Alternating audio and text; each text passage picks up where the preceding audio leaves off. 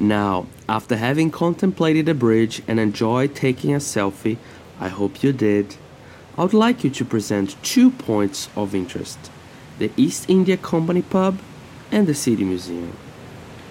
I do not know so much about this restaurant in front of the bridge, I have to be honest.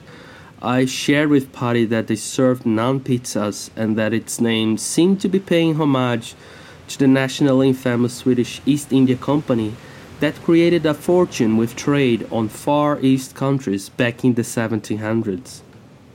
They arguably influenced Swedish high society with colonial and social imaginaries, extending constructions of the exotic and what should be the nation's self image.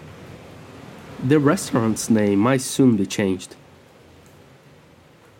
Just a few meters away, reaching the street, you find the City Museum that houses many interesting objects and a vast archive about the history of the city and neighboring areas.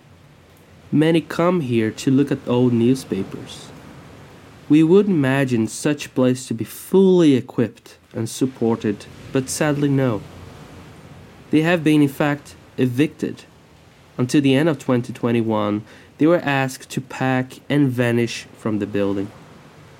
It's not public news, but they will probably be hosted on the new Culture Civic space that we just walked by.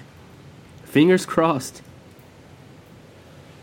Now, you should walk towards the main square in the city, Kungsbackatorget. Continue to walk on the small street surrounded by outdoor serving from the restaurants.